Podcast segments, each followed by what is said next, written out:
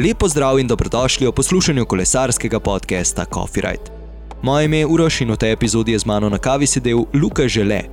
Pa prisluhnimo, o čem sva z Luko govorila.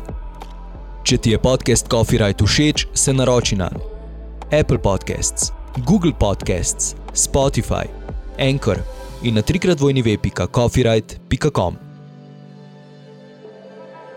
Takole, danes v moji družbi Luka Žele. Lepo zdrav, Luka. Pozdravljeni. Ja, bom jaz poskusil z eno kratko predstavitvijo, pa me ti popravi, če bom karkoli imel na robe ali pa če bom karkoli pozabil. Torej, prihajaš iz mountain bike sveta, eh, zdaj pa si že kar nekaj let eh, zasidran v cestnem kolesarstvu in sicer kot pomočnik športnega direktorja, kot športni direktor, bil si, oziroma si tudi predsednik strokovnega sveta na Kolesarski zvezi Slovenije. Je še kaj takšnega, kar sem pozabil, kar še sega morda eh, dlje nazaj, odkar najdemo svoje stvari, recimo na internetu? Ja. Kot smo že prej govorili, uh, sicer ne v etru, je kar nekaj stvari, uh, ki mogoče res je težko meni najti na internetu. Določene stvari raje zadržim zase in tako sem tudi v življenju. Na splošno, ja, izhajam iz, iz uh, gorskega kolesarstva, potem me je pač preneslo v cestno kolesarstvo, sicer še vedno načeloma malenkost grem malo lahko tudi v levo in desno, ampak načeloma sem zdaj zadnja leta na cesti. Ja. Snemava podcast Coffee Ride, kakšno kavo rad piješ, jo sploh piješ, jo imaš rad? Absolutno. Um, sem en izmed ljudi, ki spijo ogromno kave, um, rad imam predvsem kratko in sladko. Odlično. Predvsem te zadnje leta spremlja delo športnega direktorja, pa mi pove, kako te v bistvu sploh pot zanesla v to smer. Predvsem zaradi tega, ker, kot smo že rekli, prihajaš iz gorskega kolesarstva. Ja, uh, čisto odkrito, nikoli nisem resno razmišljal o sebi in tako je tudi uh, moje življenje dejansko tudi, uh, teklo bolj po liniji, um, kar prinese veter ali voda. Ampak uh, potem, ko sem. Uh, v bistvu na koncu srednje šole, oziroma z, v začetku fakultete, pravzaprav razmišljal o sebi. Sem nekako najdel pot na fakulteto za šport, kjer uh, sem bil pet v kolesarstvo, tudi usmerjal kolesarstvo, delal v kolesarski trgovini. Na to me je pa pot zanesla na Kolesarsko zvezo Slovenije, ker sem uh, bil pet dolga leta v projekte panožnih športnih šol, ker sem se ukvarjal tudi z gorskim kolesarstvom. Predvsem sem bil vključen v nekatere klube v Sloveniji, kot so uh, zdajšnji Kalcit, uh, Mountain Bike Črni vrh. Recimo. In reprezentanco, seveda. Um, potem sem pa nekega deževnega popoldneva dobil telefonski klic iz Švice, ker sem se že prej udeležil uh, tečaja.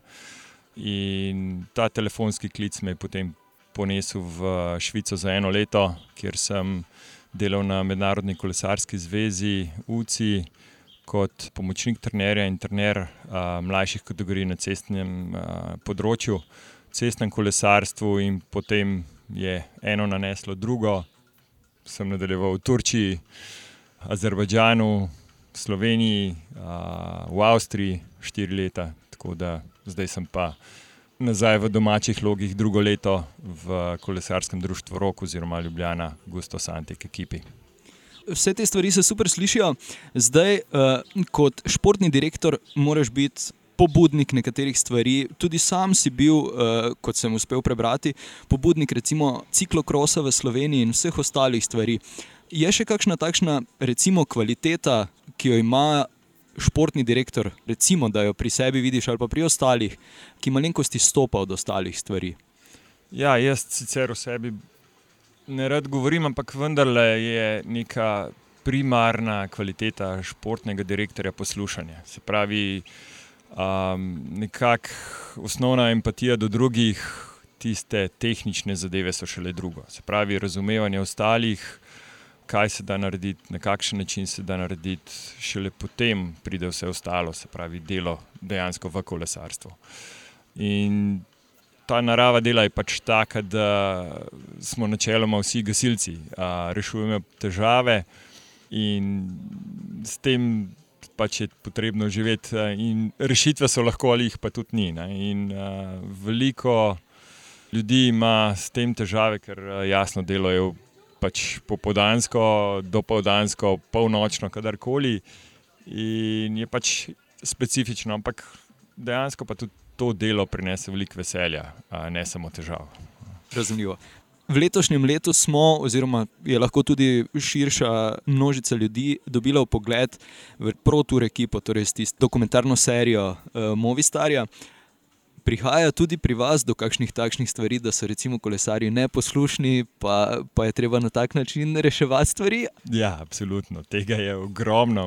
Pač film je samo film. Uh, ogromno je nekih mikrozgodbic, večjih, manjših, razumemo se, ne razumemo, ampak na koncu počrto, vsi smo v kolesarstvu. Ampak zanimivo, ne? vsi razmišljajo o kolesarstvu kot. Um, en, en, ena velika zgodba, ampak dejansko, če pomislimo, kaj je kolesarstvo, je pa, da se 150-170 kolesarjev bori za prvo mesto. To je dejansko celotna zgodba, in okrog te zgodbe se pač gradi vse, vse ostalo, ena velika, velika um, bom rekel, neka zgodba, ki je lahko vsaj v slovenskem prostoru v zadnjih letih uh, zelo lepa. Če, če pomislimo neka produkta, kot, uh, kot sta Pogačar in Roglič in tako naprej. Je še polno drugih imen, pa jih zdaj ne bom, uh, mislim, nisem uh, povedal in primkal. Tako da vsi ti fanti, ki so nekako v vrhunskem kolesarskem svetu, so zaslužni za to, kar imamo zdaj v Sloveniji. Absolutno. Zdaj z Andrejem Hopmanom smo že govorili na to temo, pa bom tudi tebe poskusil enako ali pa podobno vprašanje vprašati. In sicer, kot športni direktor, si odgovoren tudi za taktiko na etapi ali pa na enodnevni dirki. Kako v bistvu sploh odkriješ kaj novega, ali pa si izmisliš kakšno novo taktiko, ali pa ja, kako se v bistvu sploh na to pripraviš, da poskusiš urisati. Ja, a, taktika je predvsem odvisna od moči ekipe. Deloma no, a, je polno nekih podzgodb, seveda. A, vsekakor pa je lažje delati taktiko v ekipi, kjer lahko delaš pravzaprav taktiko. In s to taktiko um, je polno enih um, mo možnosti, kaj narediti. Um, ne gre tukaj samo za zmago, kot se mogoče vidi na, na, na ven, ampak gre tudi, da lahko mi, kot bom rekel, manjša ekipa v, v, na, na kakšnih večjih dirkah, se pokažemo. In dejansko je to je naša taktika, poleg tega, da nekaj naredimo, seveda. In da na vse zadnje tudi nahranimo tiste, ki nas hranijo, se pravi z nekimi zgodbami, z nekimi vsebinami, ki so bonus za tiste, ki nas podpirajo recimo pri košarki vidimo tisto minuto odmora, kjer. Uh, Nisem odgovoril na vprašanje, pravzaprav. ja. Zato no, je to moje podvprašanje. tako. Um, ja, um, predvsem je, je stvar kolesarjev, ki jih imaš. Nekaj je stvar navdiha, nekaj je stvar, ki se jo prej dogovorimo. Odvisno sicer od tekmovanja, ker eh, na našem nivoju imamo tekmovanja brez radijskih postajic, um, nekajkrat na leto gremo na tekme višjega nivoja, kjer, kjer je dovoljena uporaba eh, radijskih postaj. In moram reči, da mlajši fanti, ki so v eh, naši ekipi, zelo ne radi govorijo v te postaje. In sem jaz tisti, ki ima monologe. In je to zelo dobrodošlo, zato ker lahko z njimi komuniciram in jih popravljam, kaj delajo, in jim dajem mogoče navdih, nekaj navodila. Uh, in jih skozi ta navodila tudi uresničujejo, ali pa tudi ne, ne, seveda. In ja, pojavljajo se tudi zgodbe o neposlušanju in tako naprej, ampak na vse zadnje ima vsak svoj razlog, zakaj ne posluša. Nekateri razlogi so manj prijetni, nekateri bolj dejansko se pa mi, jasno, kot vsi, ne, poskušamo boriti za tisto eno mesto, ki je pač najbolj trofejno. Velikrat ne uspe, včasih tudi in smo zato toliko bolj veseli. Um, in na kakšen način to prvo mesto usvojiti, je pa tista čarovnija. In moram reči, da v ogromno primerih ne zmaga najboljši, najhitrejši in najmočnejši kolesar, ampak včasih eh, je tista zvitost ali pa nepredvidljivost tega kolesarskega športa toliko uh, bolj pride v spredje, oziroma naredi dirkanje bolj čarobno, ker uh, pač včasih zmaga bolj zvit, bolj prebrisan, včasih tudi kdo, ki bolj blefera. Um, in to je tisto, kar je, kar je prinese neki kar je skrito v čem tistega, ki gleda. Ne? To je to. Ravno tisto moje podprašanje se je na to nanašalo eh, in sicer v, v Borturu so dovoljene radijske zveze, vi jih nimate, v košarki je minuta odmora, kjer trener nariše novo taktiko in vse. Vi jo dogovorite na začetku, sicer jih spremljaš na dirki, ampak uh, so potem še, recimo, BC možnosti, če gre karkoli narobe. Veliko krat ni mogoče, ampak uh, ponavadi smo dogovorjeni, da prihajajo kolesari nazaj, da se pogovarjajo z mano. V primerih, kjer pa to ni mogoče, je pa mu včasih najdemo kakšen trik, da sekamo cesto in gremo pred njimi, ali pa sporočimo maserju uh, ob cesto, da jim kaj pove. Zdaj nekaj let si torej že v cestnem kolesarstvu. Kako v bistvu vidiš razvoj kolesarstva v smislu, da okay, je popularnost že omenila, pa še tehnologija, pa recimo sponzorstva se je morda že v teh petih, šestih letih, odkar si zdaj uh, aktivno upet v te stvari, kaj gromozansko spremenilo ali so spremembe dokaj male? Jaz sem v svojem delu doživel že marsikaj. Bil sem na, na dveh olimpijadah uh, s Turki in z Azerbajdžanom.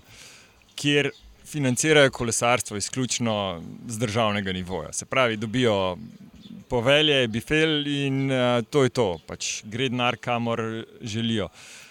V Avstriji in pa pri nas je pa zadeva malce drugačna. Sicer uh, je velika podpora določenih lokalnih skupnosti, seveda, ker je zelo dobrodošlo. Veliko krat morajo pa moramo klubi iskati uh, denar na trgu. Zdaj pa uh, ta trg, nažalost, je, govorimo o Sloveniji ali pa na srečo, Sprav, vsaka plat ima svoje dobre in slabe strani. Um, je pri nas toliko manjši trg, ampak moram reči, da nekateri trgovci imajo velik posluh in podpirajo vso to celotno zgodbo. Seveda imamo pa težave v smislu, če bi imeli nekoliko več, več denarja, bi delali lahko zelo bolj kvalitetno, predvsem na tem nivoju bi si lahko privoščili več skupnega druženja, več priprav, kvalitetnejše priprave. Glede opreme, pa niti ni taka težava, ker imamo opremo na srečo. Uh, ampak tisto, za kar potrebuješ dejansko denar, pa primankuje. Lahko bi več uh, preživeli kvalitetnega časa skupaj s fanti uh, na pripravah, na tekmovanjih, uh, si privoščili kakšen dan več. In to bi prineslo, sigurno, zagotovo več uh, kvalitete v samo delo. Osredotočena smo na tvoje delo športnega direktorja. Imeti moraš tudi nekako oko za talent. Torej, videti, koga bi morda lahko pripeljal v ekipo in vse te stvari. To smo z Miho Koncilijo že govorili. Kako v bistvu ti gledaš na to, oziroma kako spremljaš, recimo, fante v, v drugih uh, ekipah, ti kdo pomaga pri tem, si tukaj čisto sam? Uh, v rogu, oziroma v Ljubljana, Gusto Santiku, nas je več. Ne? Imamo tudi uh, direktorja, ampak moram reči, da imamo v Sloveniji eno lepo sinergijo, ne skačemo se vzeli in spoštujemo drug drugega. To me zelo veseli. Tudi uh, z nobenim nismo sovražniki, smo neki zdravi konkurenti in tudi fanti zelo radi trenirajo. Pač, uh, če je nekdo iz druge ekipe, ni kakršna težava. Kar se tiče talentov, je pa sledeče, da moram reči, da kar pride, pride. Zadnja leta, saj jaz imam tako opažanje, je nekako upad, pa mogoče niti ne v številu, ampak generacije se menjajo in kvaliteta je. Se niža, pa nočem to, da zveni nekako podcenjevalno. Uh, ampak to je čisto realnost, ker ne govorim samo o Sloveniji, to govorim o celotnem svetu. Uh, pač ta tehnologija oziroma način življenja je bistveno drugačen kot 15, 20, 50 let nazaj. Ne?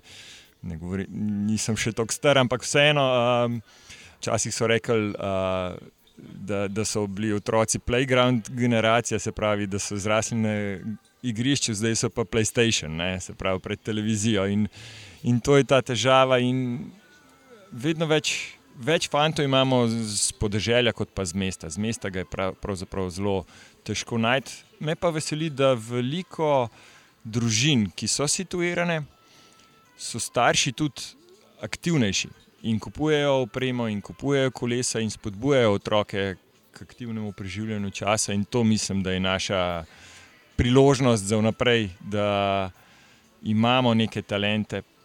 Pa če govorimo o talentih, mogoče. Dajmo reči o vseh, ki želijo kolesariti in jih spodbujamo, in iz tega izlučiti tisto, kar uh, pride. Ne? Lahko še nekaj dodam. Ja, seveda, super. Mi vidimo samo najboljše. In tisti najboljši so na televiziji, v časopisih, na internetu, ne vidimo pa um, tiste, ki se zelo trudijo in ki morda ne pridejo v spredje. Ampak vsi tisti, ki pravzaprav tvorijo celotno zgodbo, so zelo pomembni. Nikoli ne vemo, kdaj bo kdo izstopil. Pravzaprav. V smislu, če dobiš nekega otroka. Vemo, da je kolesarstvo zelo šport, v katerega se vključujejo otroci pozno in kar je čist prav. Je tudi mogoče malo bolj nevarnejši za treniranje v mlajših uh, kategorijah v smislu prometa. Ampak moram reči, da v Sloveniji zelo dobro delamo tudi z mlajšimi in sem zelo vesel, da se pojavljajo te kolesarske šole po celi Sloveniji. Super. Dotaknila se bova tudi marginal gainsov. O tem je v zadnjih letih zelo veliko govora. Verjetno se soočaš tudi s tem, da moraš filtrirati, kaj meniš, da je dobro, kaj meniš, da ni dobro, oziroma kje te želijo v narekovajih potegniti za nos. Ne? Eh, zdaj, če, če beremo članke, recimo bivšega Skaja, so testirali deset različnih krem za regeneracijo. Itd. Kako se recimo v, v vaši ekipi s tem soočate, oziroma kako se ti s tem soočaš na vse zadnje? Enostavno. Odgovor je zelo kratek. Recimo, en dober primer, pa mogoče ni najbolj primeren. Nobena krema, ki ponuja hujšanje v enem tednu za 5 kg, ni prava. Ne? In tisti marginal gainsi so zelo na meji, kar v smislu uporabe na našem nivoju. Pri nas je včasih je bolj pomembno, da nekdo je uh, v pravem času, in prave stvari, kot pa, pa da spi, da počiva, tiste kremice in grami so pa še le čisto na koncu. Tako da te zgodbe so mogoče medijsko bolj napihnjene, kot pa so dejansko um, koristne. Okay, okay. Na kratko. Zmenjeno, zmenjeno. kupim odgovor. pa da se dotaknemo še tvojih začetkov. Zdaj, ko pomisliš nazaj, je bil kakšen feler z tvoje strani, ki, ki si ga naredil, pa zdaj recimo gledaš na njega, kot da se nasmeješ, da je dobra anekdota, ali je vse šlo kot po maslu? Uh, felerjev. felerjev je bilo ogromno, ampak na napakah se pravzaprav učimo. Zgodbic je ogromno. Nobena pa moram reči, da načeloma ni bila neki usodna. Ne. Uh, Ampak teh mikrozgodbic je ogromno, na katere se lahko smejimo za nazaj, uh, takrat pa sigurno niso bile najbolj prijetne. Um, niti ne vem, katero bi izpostavil, ampak uh, teh zgodbic od potovanja na napačna mesta pred štartom, ker napišeš uh, napačno poštno številko in te odpelje 300 km na napačen kraj in potem noriš na štart, do, do ostalih stvari, ki pa mogoče niti niso za tukaj in zdaj. Okay. okay. Verjamem, da jih je bilo kar nekaj, verjamem, da jih še bo. Je kateri coffee ride, ki ti je ostal tako v spominu, kakšna trasa, ki se je spominjaš, da bi jo še stokrat prevozil, ker ti je bila toliko všeč? Uh, iskreno, uh, zakaj sem jaz danes tukaj? Uh, zato, ker cenim družinsko življenje. In, uh, to družinsko življenje je nekaj ja, magičnega in vsaka vožnja z, z otroki na kolesu je, je bonus. Moram pa reči, da pravzaprav vseeno, kam grem, pomembno je, s kom grem. In ja, tisti, s kom grem, če je zraven kava, je toliko boljš. Uh, če pa še kakšno pivo v vročem popoldnevu, pa je pika na i. Super. Luka, tik pred koncem sva Še kakšna misel, kakšen nasvet, karkoli pade na pamet za poslušalce?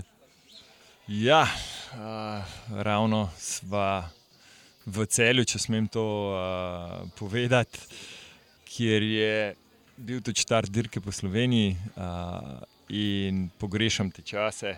So, v tem trenutku je malo nestabilno obdobje za, za dirkanje, za življenje nasplošno, in upam, da se vse to spet vrne v normalne smernice, in upam, da začnemo čim prej dirkati in da najdemo tudi kakšne nove talente, seveda. Super, Luka, najlepša ti hvala za ta pogovor. Hvala lepa. Luki, še enkrat najlepša hvala, da si vzel čas za kavico in pogovor. Mi se ponovno slišimo prihodnji petek. Če ti je podcast Coffee Right všeč, se naroči na Apple Podcasts, Google Podcasts, Spotify, Anchor in na trikrat vojni web.coffeeright.com.